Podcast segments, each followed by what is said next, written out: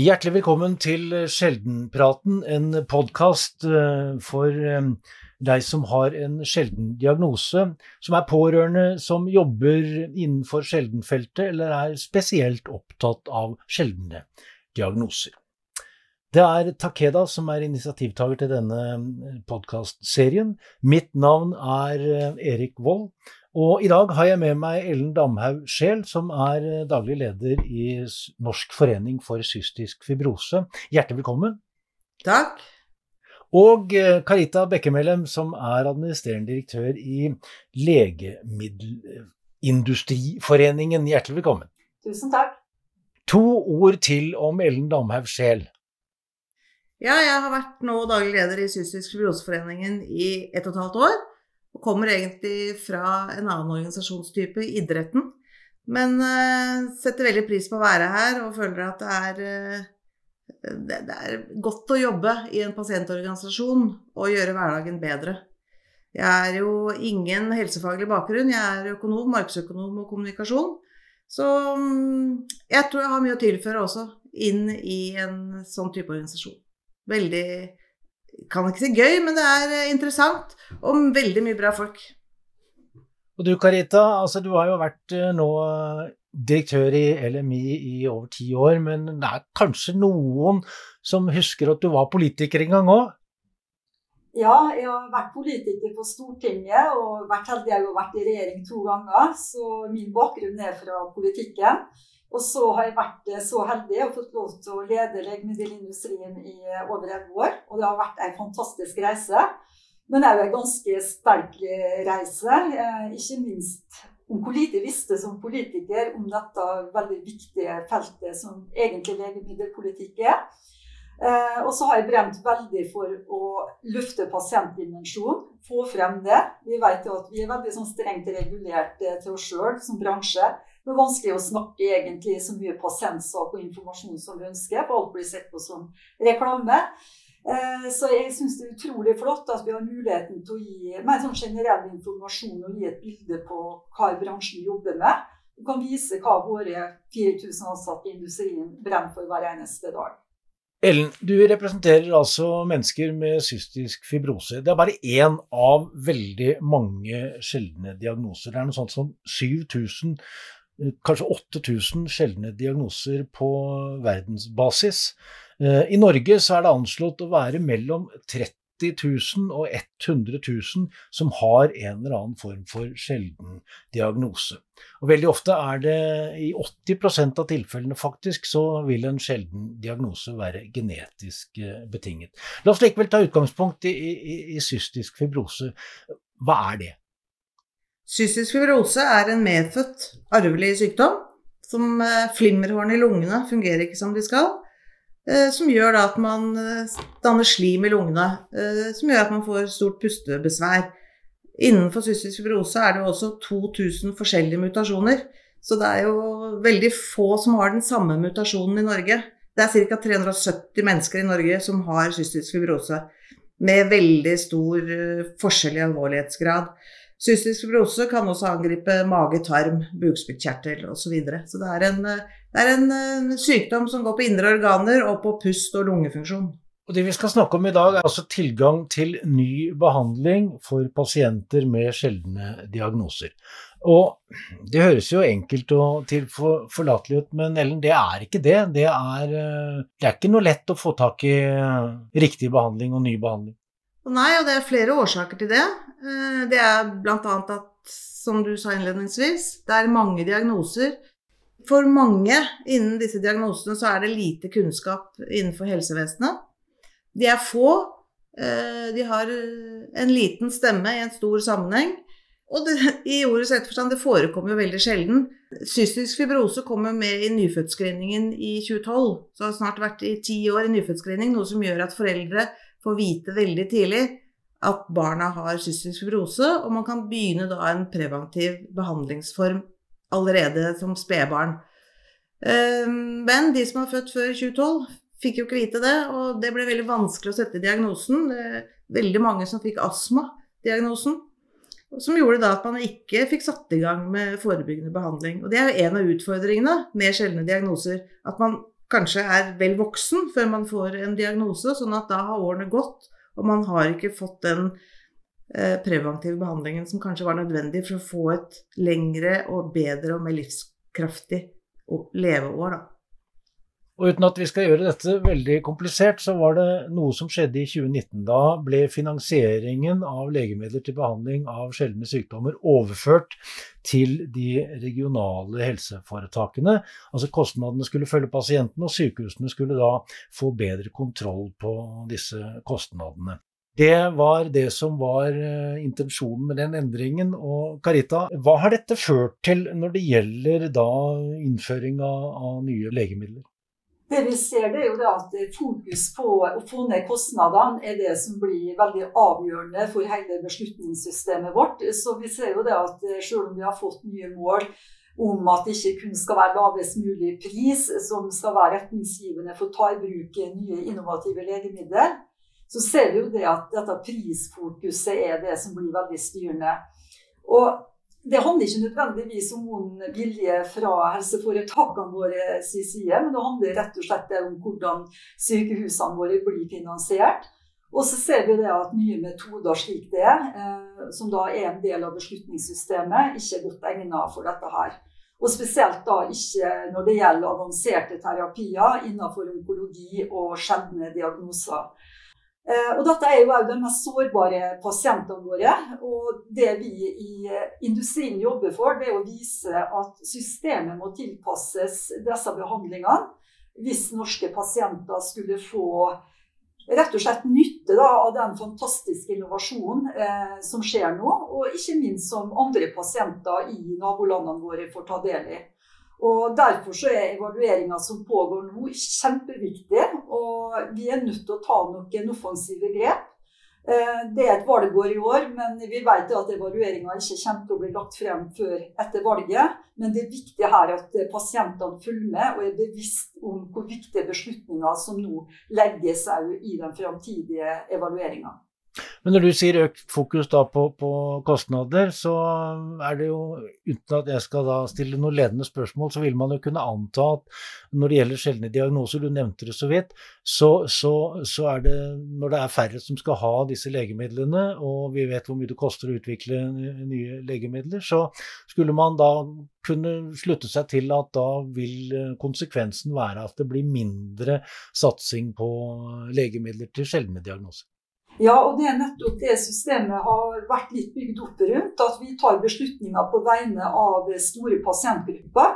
Og ikke det at vi som pasienter i framtida vil komme til å bli mye mer sjelden hver og en av oss. Fordi at eh, vi får så mye ny kunnskap om genetikken. Og dette her forsker og utvikler våre selskaper for å tilpasse behandlinga på en best mulig måte. Men det hjelper jo lite da, hvis ikke det norske beslutningssystemet henger med i tida. Eh, og Derfor er vi nødt til å begynne å se verdien på legemidlene våre og de nye innovasjonene på en helt annen måte.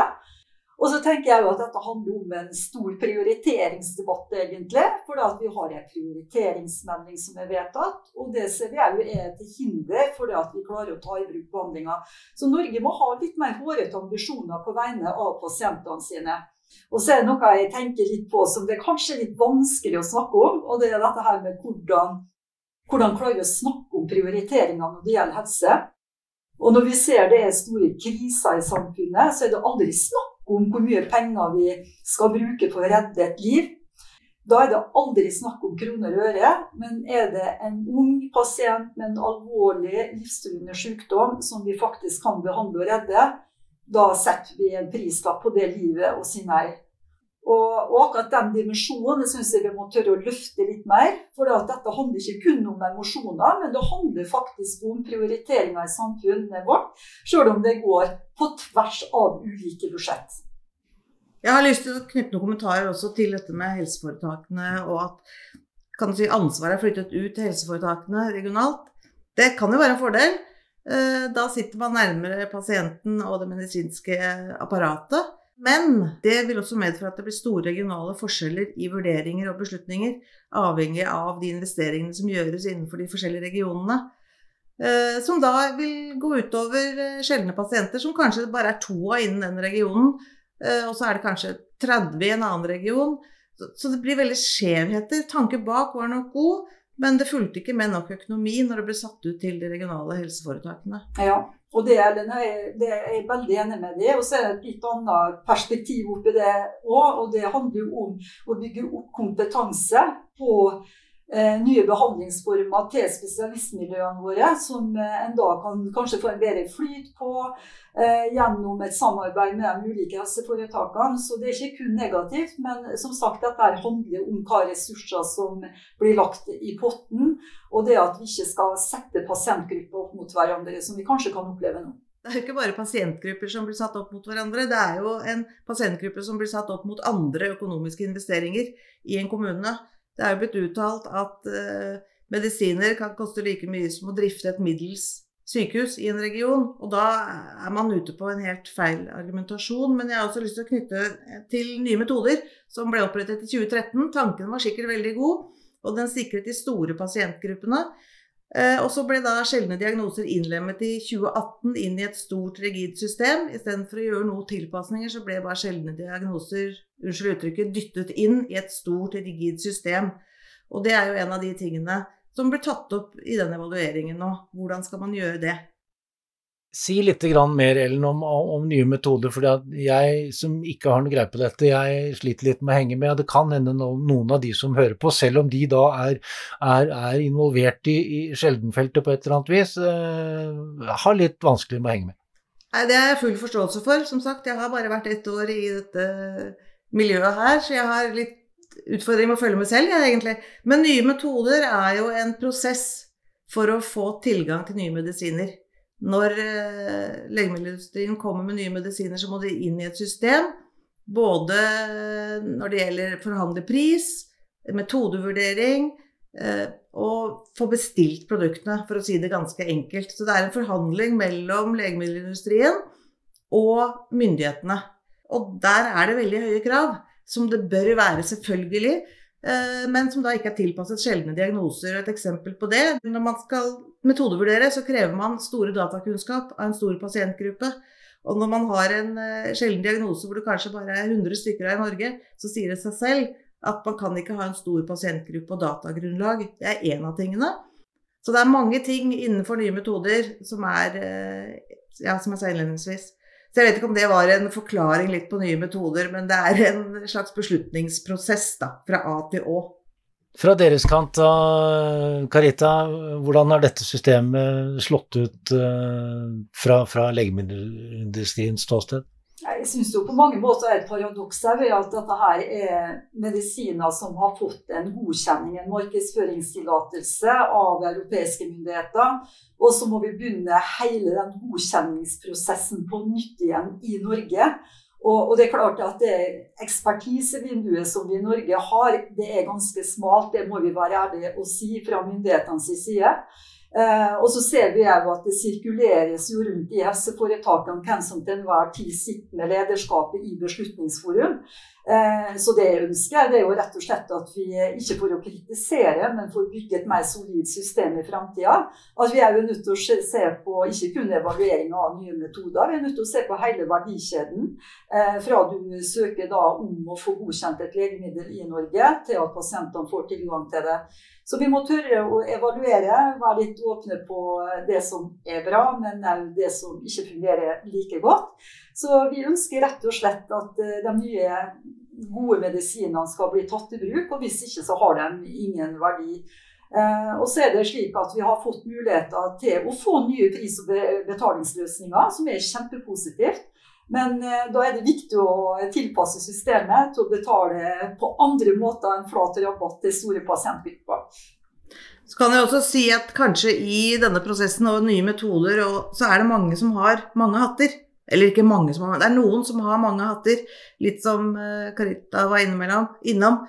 Eh, mange hatter. Eh, de sitter i et sted, kanskje ute i helseforetaket, og gjør en beslutning, og så skal de inn igjen i nye metoder i bestillerforum eller beslutningsforum, og kanskje forsvare sin beslutning eh, med en annen hatt. Det er bare for å eksemplifisere, da. Så det er klart at det, selv om Norge ikke er så stort, og det er ikke så mange mennesker å ta av, så kan man unngå den derre hatteleken, syns jeg, i større grad.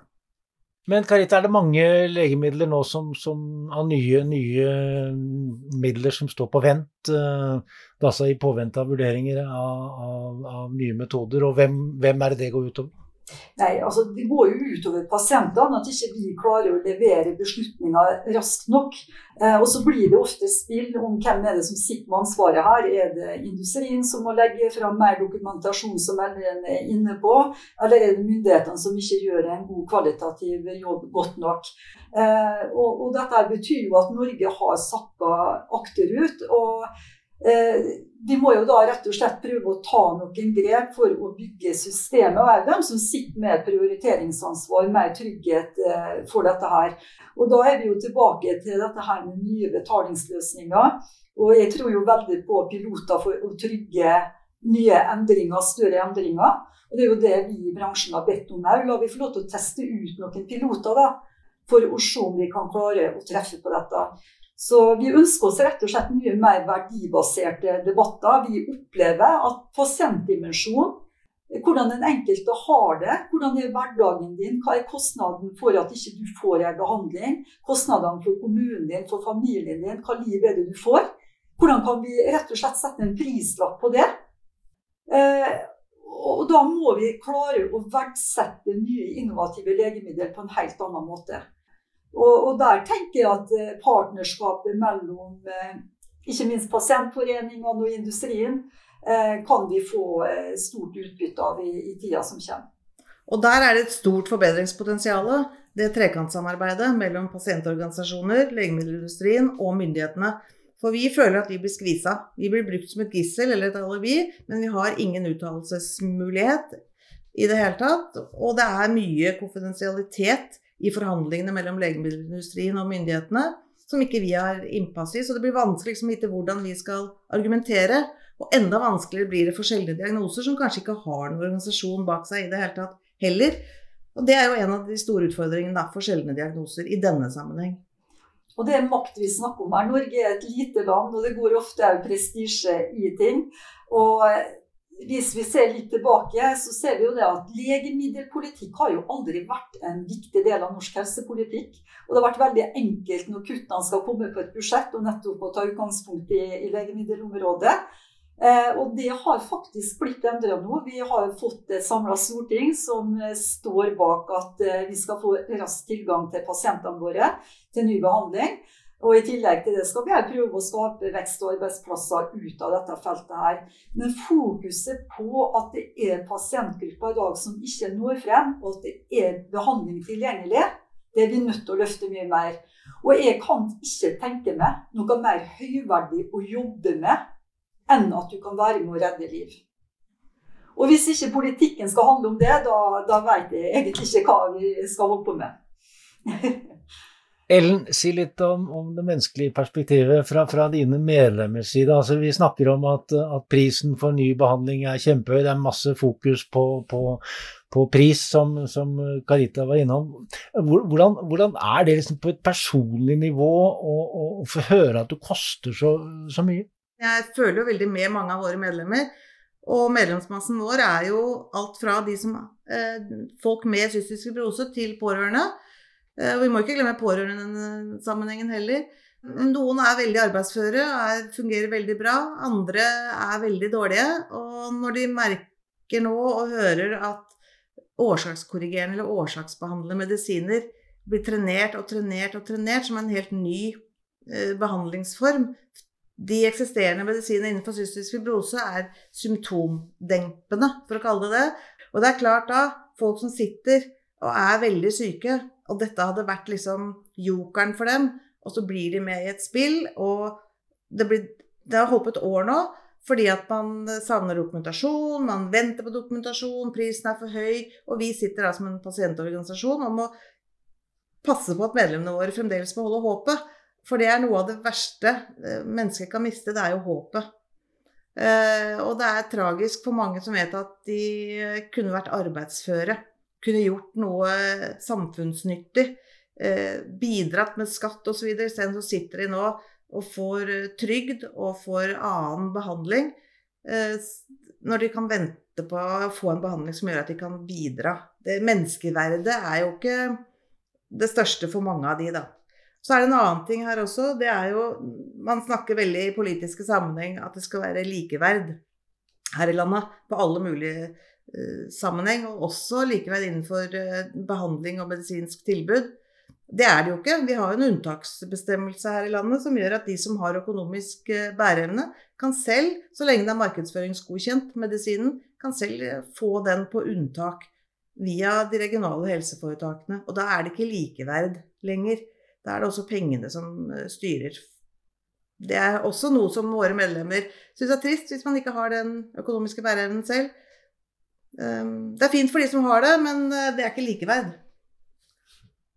Du sa til meg på forhånd Ellen, at dette, systemet, dette nye systemet er ikke, er ikke laget liksom for, for, sjeldne diagnoser. og Du har vel vært inne på eh, noe tilsvarende, Karita. Hva kan, kan gjøres for å, for å få det til å funke bedre, da? Det første vi kan gjøre nå, det er jo i det arbeidet som Ellen er med på, å se på evalueringa av nye metoder og håpe at vi får en ærlig tilnærming på det. Og så må vi rett og slett se politikken i sammenheng på en litt annen måte enn hva det vi gjør. Kanskje koble budsjettene på en litt annen måte. Eh, som vi var inne på, dette her med at det er jo utgifter for kommunene bl.a. for privatlivet til folk ved at du ikke får behandling.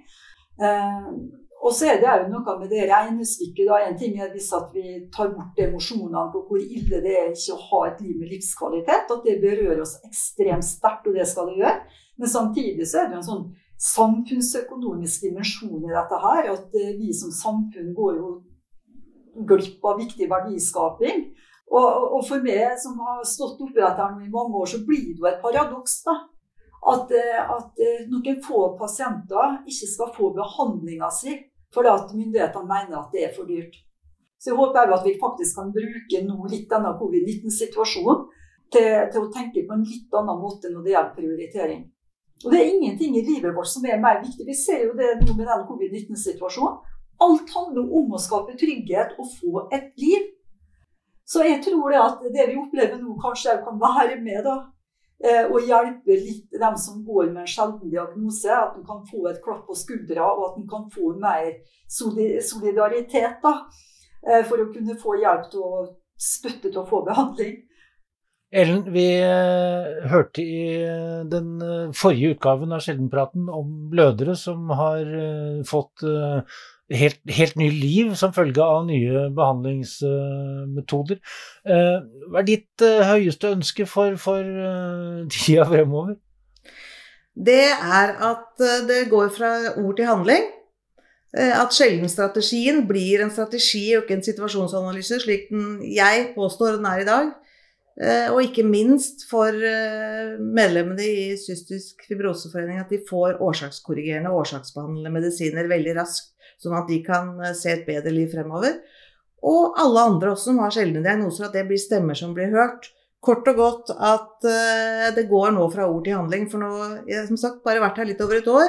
Jeg har fulgt med litt fra sidelinjen før, og det er mye ord. Og nå er det sjeldenåret også, så det er mange fine Og det er valgår og mange fine festtaler, for å provosere litt. Men jeg mener at nå er det handling. Nå er det action som må til. Da ble det siste ord i eh, episode nummer tre av eh, Sjeldenpraten. Takk til Ellen Damhaug Scheel, og også hjertelig takk til Karita Carita Bekkemellem. Dersom du har forslag til temaer som du ønsker at vi skal ta opp i denne podkastserien Sjeldenpraten, send en e-post til no.sjeldenpraten alfakrølltakeda.com. Jeg heter Erik Wold, det var alt for denne gang. Vi høres igjen.